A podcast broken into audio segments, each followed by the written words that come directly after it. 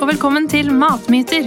Denne podkasten lages av de kliniske ernæringsfysiologene Mari Eskerud og Anette Skarpaas Ramm. Vi er opptatt av å skape mindre usikkerhet og eh, myter rundt mat og helse, og det er også målet med denne podkasten. Hver episode så kommer vi til å ta opp ulike temaer som mange lurer på, og svare på spørsmål fra dere som lytter. Vi håper at du får et enda mer avslappet forhold til mat, og at det blir enklere å ta sunne valg i hverdagen ved å høre på podkasten vår. Maten vi spiser, påvirker de fleste prosessene i kroppen vår. Men huden er kanskje ikke det organet vi først tenker på når det kommer til kosthold. Så er det jo likevel sånn at huden er det største organet i kroppen vår. Og heldigvis så er det sånn at et kosthold som er bra for kroppen, også er bra for huden. Så i dag skal vi dykke litt ned i sammenhengen mellom kosthold og et eh, vanlig hudproblem for mange, nemlig kviser. Mm. Ja, hvorfor, eh, hvorfor tar vi opp det her? Hvorfor er det så viktig å snakke om kviser? Eh, jeg syns det er litt viktig å snakke om kviser, faktisk, fordi um, man, mange tenker, kanskje særlig eldre, da, som ikke har like mye kviser som ungdom og yngre har, tenker at det er et litt sånn overfladisk problem, at det bare handler om utseende og at man bagatelliserer det litt.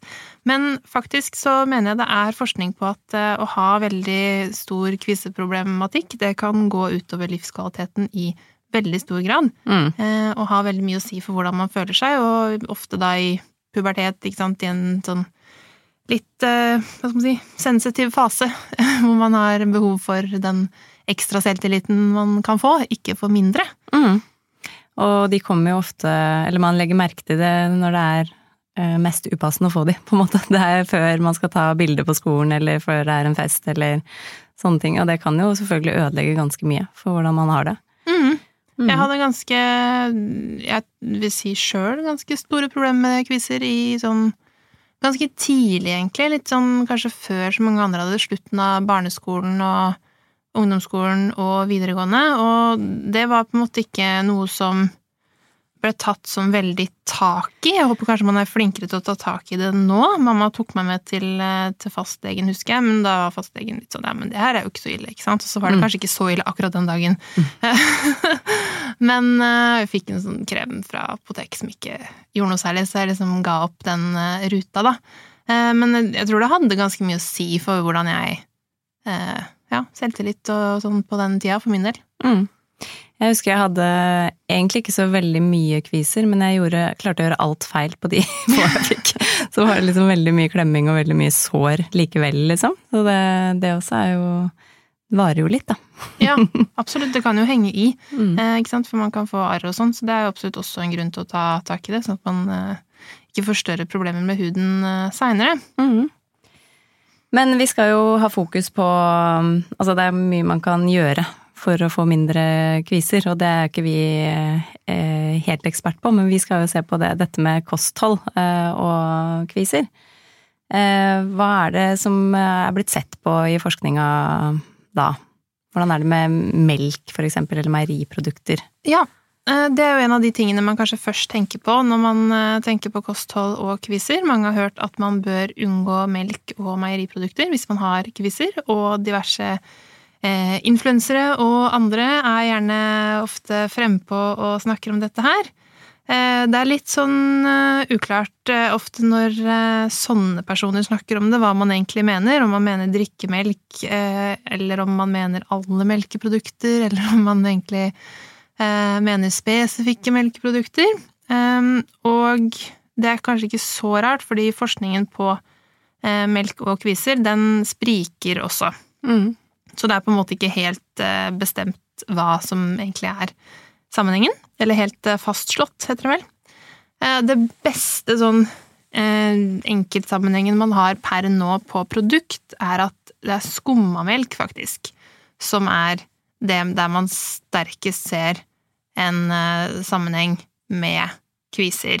Man ser det også litt på et høyt inntak av meieriprodukter som sånn helhet, da. Altså ikke bare melk, men melk og ost og yoghurt og alle meieriproduktene.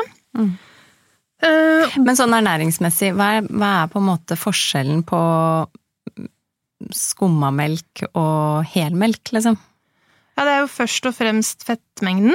Mm. Uh, og det er noe forskning på at det kan ha noe å si, men en annen teori er at det er på en måte at det da blir relativt sett mer karbohydrater i skummamelka enn i HA-melka, som gjør at det eh, påvirker, da. Skal vi komme tilbake til, men at det er karbohydratbelastningen, kan du Mm. si. Men samtidig så har du jo det i andre melkeprodukter også, som, ikke, som yoghurt og liksom sånne ting, så eh, det, er ikke, det er ikke helt bestemt, Nei. det der. Nei. Eh, andre ting, da, som eh, man har sett på? Det er jo veldig mange som har snakka om sjokolade. Ja. Sjokolade er også noe man gjerne tenker at man må kutte ut, eller at man føler at man har mer kviser etter at man har spist Mm. eh, den type snackmat. Eh, og det var også noen sånn tidligere studier, eller noen studier for lenge siden, som tyda på at faktisk sjokolade hadde en eh, uheldig effekt, eh, eller hadde gjorde at man fikk mer kviser.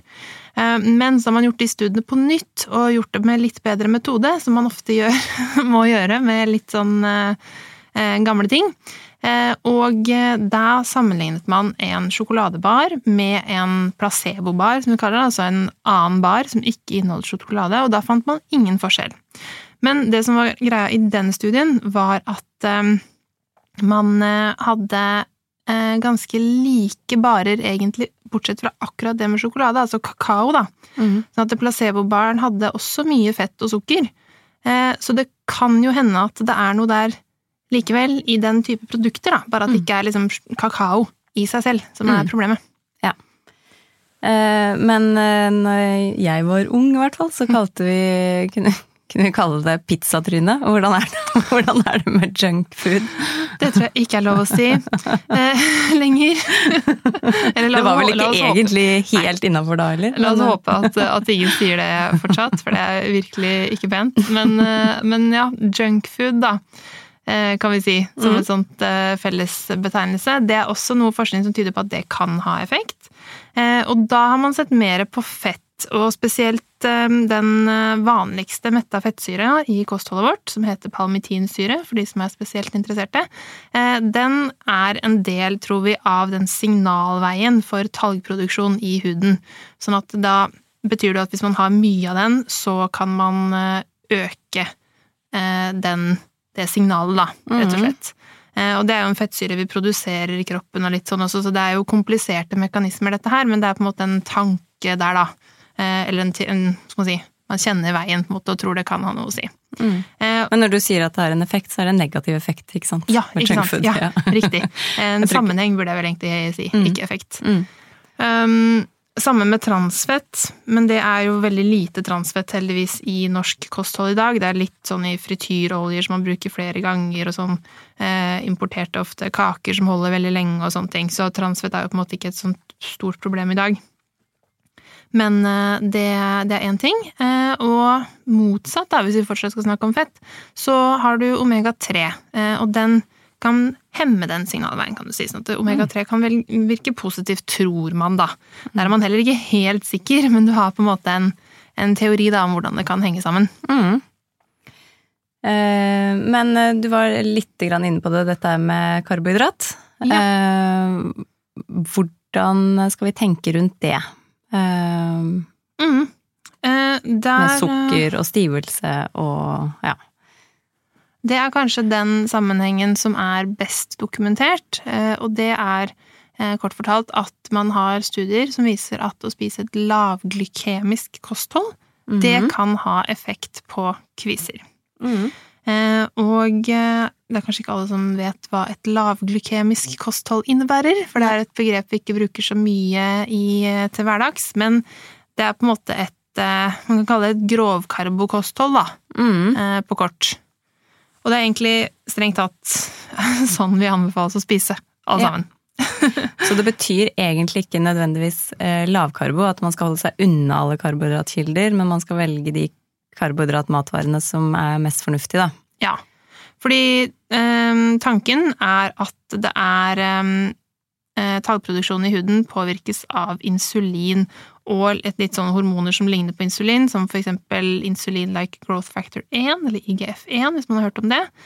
Um, og at da å spise mat med høy GI, som vi kommer tilbake til hva er, men også mat med raske karbohydrater, da, kan man si sånn for, eh, for kort, Mm. eh, at det kan eh, sette i gang den signalveien. Mm. Og det er gjort studier på dette her kostholdet, og da har man eksempel sett på et kosthold der man spiser 45% av energien, energiprosent, fra karbohydrat. Sånn at det er godt innafor de anbefalingene som vi har i Norden. Mm. Der er vel er det 40-60% karbohydrat? 40-55, noe sånt? Husker jeg faktisk ikke, Nei, men, det, er i det, det, det er i hvert fall innafor. mm. Mm, så det er i det, det området der. Um, så det er ikke noe sånt eh, noe veldig lavkarbokosthold i det hele tatt. Nei. Det er mer at man har ekstra fokus på de tingene. Ja, ekstra fokus på hva slags type karbohydratkilde man velger, ikke egentlig mengden. Mm. Eh, nødvendigvis. Men du skal jo ikke spise mye karbohydrat heller, for det er ganske stort den derre anbefalingen, den rangen, på en måte, fra lite til mye innafor anbefalingene. Ikke sant? Så, så er, den er kanskje i nedre sjiktet der, men, men det er eh, riktig type karbohydrat, da. Ja, det er ikke noe sånn ekstremkosthold, ikke sant. Eh, Og andre ting, Det er jo sikkert litt eh, individuelle forskjeller her, men det er andre ting som tyder på at det har eh, sammenheng, er jo for eksempel at kviser er vanlig ved tilstander som PCOS, mm. polycystisk ovariesyndrom. For der har man jo gjerne et element av insulinresistens, mm. eller høy, høye insulinverdier. Mm. Og det kan også påvirke andre hormoner igjen, som kan påvirke tallproduksjonen. sånn at det er jo flere, eh, flere ting her, men, eh, men den her er man ganske sikre på, da. Mm. Mm. Eh, Men eh, skulle du forklart litt mer, nå har vi gjort det litt underveis, da, men hva er liksom typiske høyglykemiske, eller Mm. de matvarene som man skal prøve å begrense, da, eh, på et sånt, hvis man skal teste ut dette her? Ja, det finnes lister på det um, som man kan se på, fordi dette her, det med glyk... eh, glykemisk kosthold, eller glykemisk indeks, da, Mm. det er på en måte et mål som man kan gjøre ved å se på hvor stor eh, Det er blodsukkerstigning, sant, man får etter å ha spist en gitt mengde karbohydrat av en matvare. Mm. Eh, Så det kan måles, sånn at det måte lister på det, men det trenger man egentlig ikke forholde seg til. Man kan tenke litt sånn grovkarbo og litt logisk. Mm. Eh, Og de matvarene som gjerne har høy glykemisk indeks, det er typisk fint bakverk, altså loff eller kneip eller annet eh, hvitt bakverk som pizzadeig, eh, tortillas eller foccaccia og sånn. Mm. Det er jo bare hvittmel. Mm. Så man kan tenke enten liksom med høyt sukkerinnhold eller høyt eh, innhold av fint mel. Ja. Eller begge deler, som søtt bakverk, da, som kaker og kjeks og boller og scones og sånn. Mm. Eh, Det er jo dobbelt opp på Mm. de. Eh, Og så sukkerrike ting, som du sa, ja. Altså brus, sukkerat drikke, godteri, snacks. Juice også, selv om vi jo Det har vi vært inne på før at juice er sunt, men akkurat eh, det blir på en måte konsentrert fruktsukker i juice, da. På en annen måte enn i frisk frukt. Så Mm. akkurat juice kan jo påvirke blodsukkeret mer enn frukt kan. Mm. Men typisk sånne Fordi dette her er jo litt sånn tilbake til det som var mye i media før med Fedon og sånn. Det var Ja. jo veldig sånn lavglykemiske matvarer som man skulle fokusere på.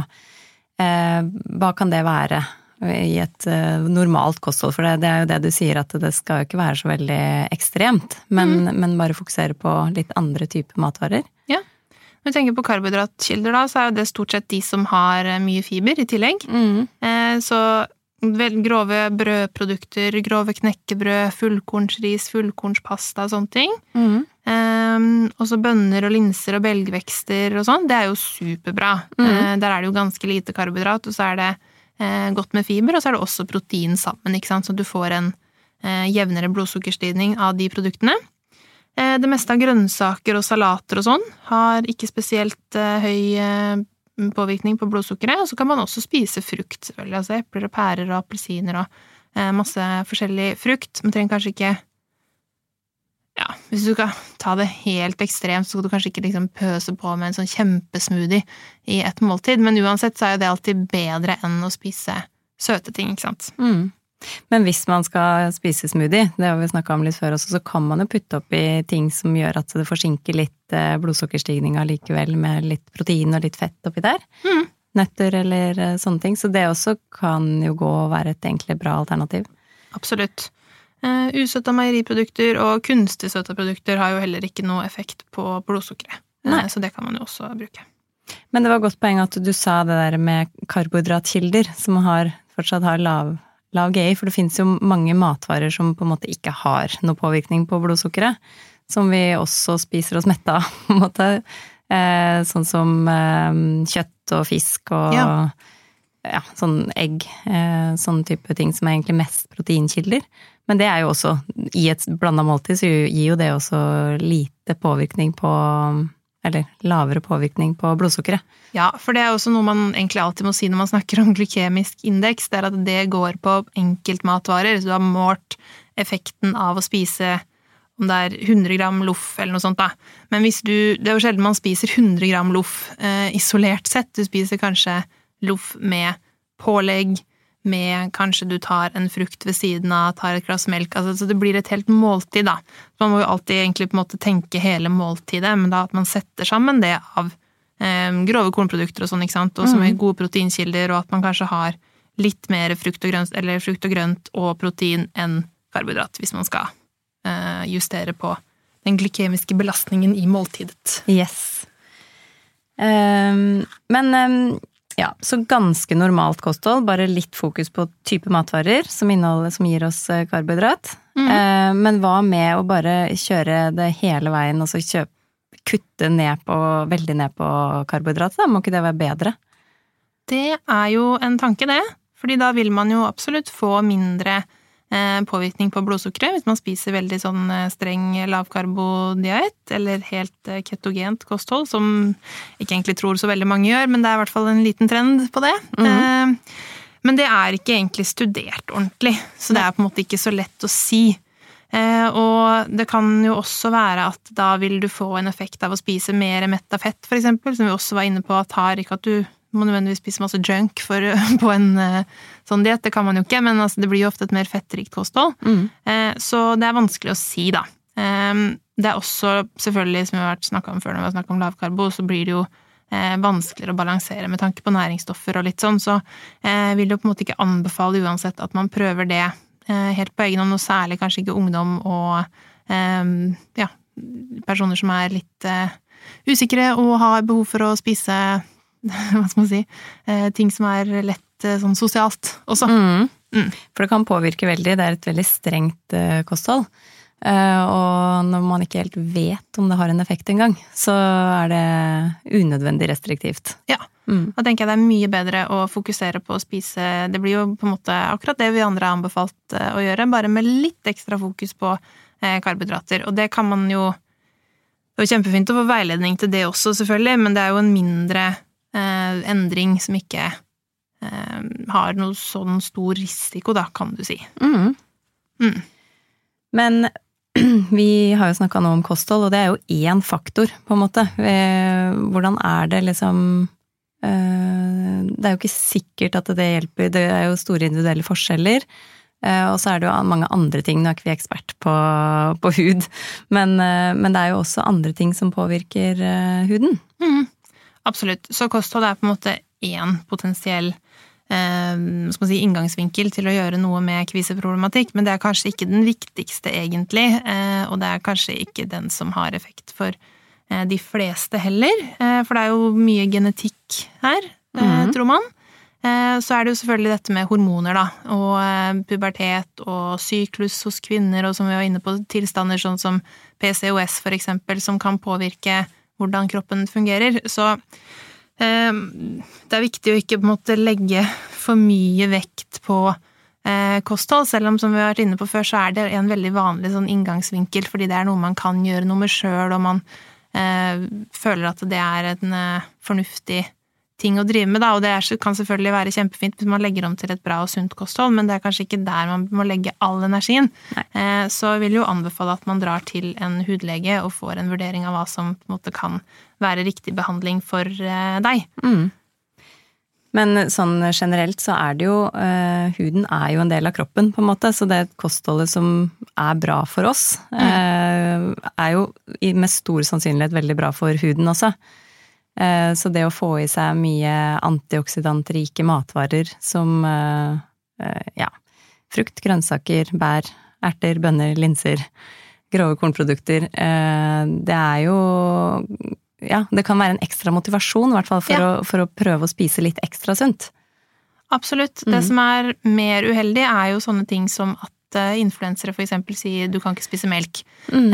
For da blir man veldig usikker, og så er det et veldig, som vi var inne på, veldig sånn ullent råd. Hva innebærer det? Kan jeg spise ting som har litt melk i seg? Kan jeg spise ost? Kan jeg spise Er det bare melkedrikker jeg skal unngå? Mm. Eh, og det er på en måte det minst heldige, da, for da blir man litt sånn usikker på en hel matvaregruppe, og så kanskje man eh, prøver det litt, og så får man det ikke helt til, og da er det vanskelig å si om det hjalp, og så har man eh, eh Så blir man litt sånn ja ja, men ja, så får jeg ta litt, da, og så har man litt dårlig samvittighet for det, og så mm. får man på en måte et sånn belasta forhold til en hel matvaregruppe uten at det nødvendigvis var en grunn, for som vi var inne på, så er det ikke avklart eh, om det har noe effekt for de fleste, og ikke om hvilke matvarer det gjelder, eller hva i det hele tatt. Eh, så sånne ting tenker jeg jo er ganske uheldig, og hvis man kjenner at man er på vei dit, eller så hvis man som forelder ser at uh, ungdommen er på vei litt sånn dit, da tenker jeg det kan være fornuftig å oppsøke hjelp bare for å få liksom en sånn uh, god gjennomgang av hele kostholdet, da. Mm. Og jeg tenker jo også egentlig på alle de der tiltak for å se om det hjelper, om det er magesmerter eller hva det er, så så kan det være fornuftig å ha en kostholdsveileder som hjelper deg til å gjøre det systematisk og riktig. Og så er det jo noe med at eh, hvis man først skal teste ut noe, om det er et kosttilskudd eller om det er fiber, eh, eller om det er noe, Ikke noe spesifikt for kviser det her, da, men uansett hva man skal teste, så bør man gjøre det ordentlig, og så må man registrere og se om det blir noe forskjell. Ja. Uh, og det er litt vanskelig å gjøre på egen hånd, spesielt da hvis man er ungdom og spiser litt sånn tilfeldig her og der og er på besøk og blir servert og uh, Så da um, enten spises bare normalt, uh, sånn som vi egentlig anbefaler, men hvis man skal teste ut, så bør man gjøre det systematisk og gjerne med litt veiledning. Ja, det kan være veldig fint. Og også på hud, sånn jeg har forstått det, så gjelder det at man bør prøve ting i hvert fall ca. to måneder. Og enten det er en krem eller om det er kosthold, da Eh, for det er en, en, hudsyklus, da, sånn jeg har forstått. Mm. Sånn at man trenger også litt tid. Det blir litt for dårlig den der 'jeg spiste en sjokolade i går, og så fikk jeg en kvis i dag'. Det er ikke sikkert det på en måte har en sammenheng, selv om det er sånn vi gjerne tenker på det, da. Mm. Og én uke er, føles ganske lenge et sånt ungdomsliv, men, men, det er det ikke, da. Det er jo To måneder er ganske lenge. Mm. Og så det, det med å registrere litt, sånn at um, For det går jo litt sånn opp og ned, og så vite og kunne sammenligne, så bør man egentlig vite før og etter. Ja, helst det også, så at man har gjort en litt sånn vurdering, kanskje tatt litt bilder, da, eller eh, prøvd å se litt sånn over litt tid hvordan det egentlig er, for det er veldig vanskelig faktisk å tenke tilbake. Jeg har jo merka når jeg jobba mest med mageplager, da, men det blir jo litt det samme å tenke tilbake, vent litt, hvor vondt hadde jeg i magen for mm. to måneder siden. Mm. Hvis man ikke har gjort en slags eh, vurdering eller registrering på det. Mm. Og det blir jo litt samme hud. Det er jo litt lettere, da kan man jo ta bilder, eh, og så kan man se. Eh, men mm. mm. Eh, og så har vi en myte her. Eh, proteintilskudd er bra mot kviser. Ja, det kan man jo kanskje tenke, ikke sant, siden at det er karbohydrater som er det som er best dokumentert å ha en eh, sammenheng med utvikling av kviser, men faktisk så er det sånn at det fins forskning som tyder på at eh, myseprotein spesielt, eller whey, som man gjerne kjøper det som, ikke sant, eh, kan føre til økt mengde kviser. Mm -hmm. Eh, og det er, jo, det er, jo, også et melkeprotein, så det er jo flere måte elementer inni det her, da. Men eh, det er eh, blant da fordi det inneholder stoffer som også fins i melk, men som spesifikt påvirker insulinutskillelsen, og derfor kan ha sammenheng med kvisemengde. Og det er jo litt derfor også myse er bra når man trener, fordi du trenger litt insulin for å få um, brukt Eh, aminosyrene til å bygge opp muskler. Mm. Men eh, det kan være uheldig da i denne sammenhengen. Så det er jo også på en måte noe man kanskje kan prøve hvis man, hvert fall, hvis man bruker mye eh, proteintilskudd og har problemer med kviser. Så kan man jo prøve å bytte tilskudd eksempel til eh, Ja, du kan vel sikkert bytte til kasin, eh, vil ikke ha den samme effekten, eller bytte til noe helt annet. Eller bytte altså noe, til mat med mye Eller bytte til mat. eh, kanskje ikke da melkeproteiner, for å få en sånn Eh, litt tydeligere forskjell. Men det tenker jeg jo man kan altså Hvis man bruker det litt av og til, så har det jo sannsynligvis ikke noe å si. Men det er en ting som kanskje kan ha effekt, da. Mm. Mm. Yes. Eh, hvis vi oppsummerer litt her, da, så er det jo faktisk da sånn at eh, svaret på sammenhengen mellom kosthold og kviser kanskje kan være enklere enn vi tror, for en gangs skyld. For høyst sannsynlig så er det beste du kan gjøre å følge kostrådene vi har til alle, med litt ekstra fokus på karbohydratkvalitet. Og det er jo ikke en streng diett som eh, du må eh, jobbe veldig hardt for å følge, egentlig.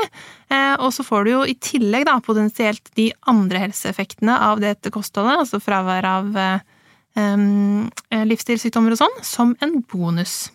Samtidig er det viktig å huske på at å endre kostholdet ikke vil ha effekt for alle, siden det er flere ting som påvirker huden vår.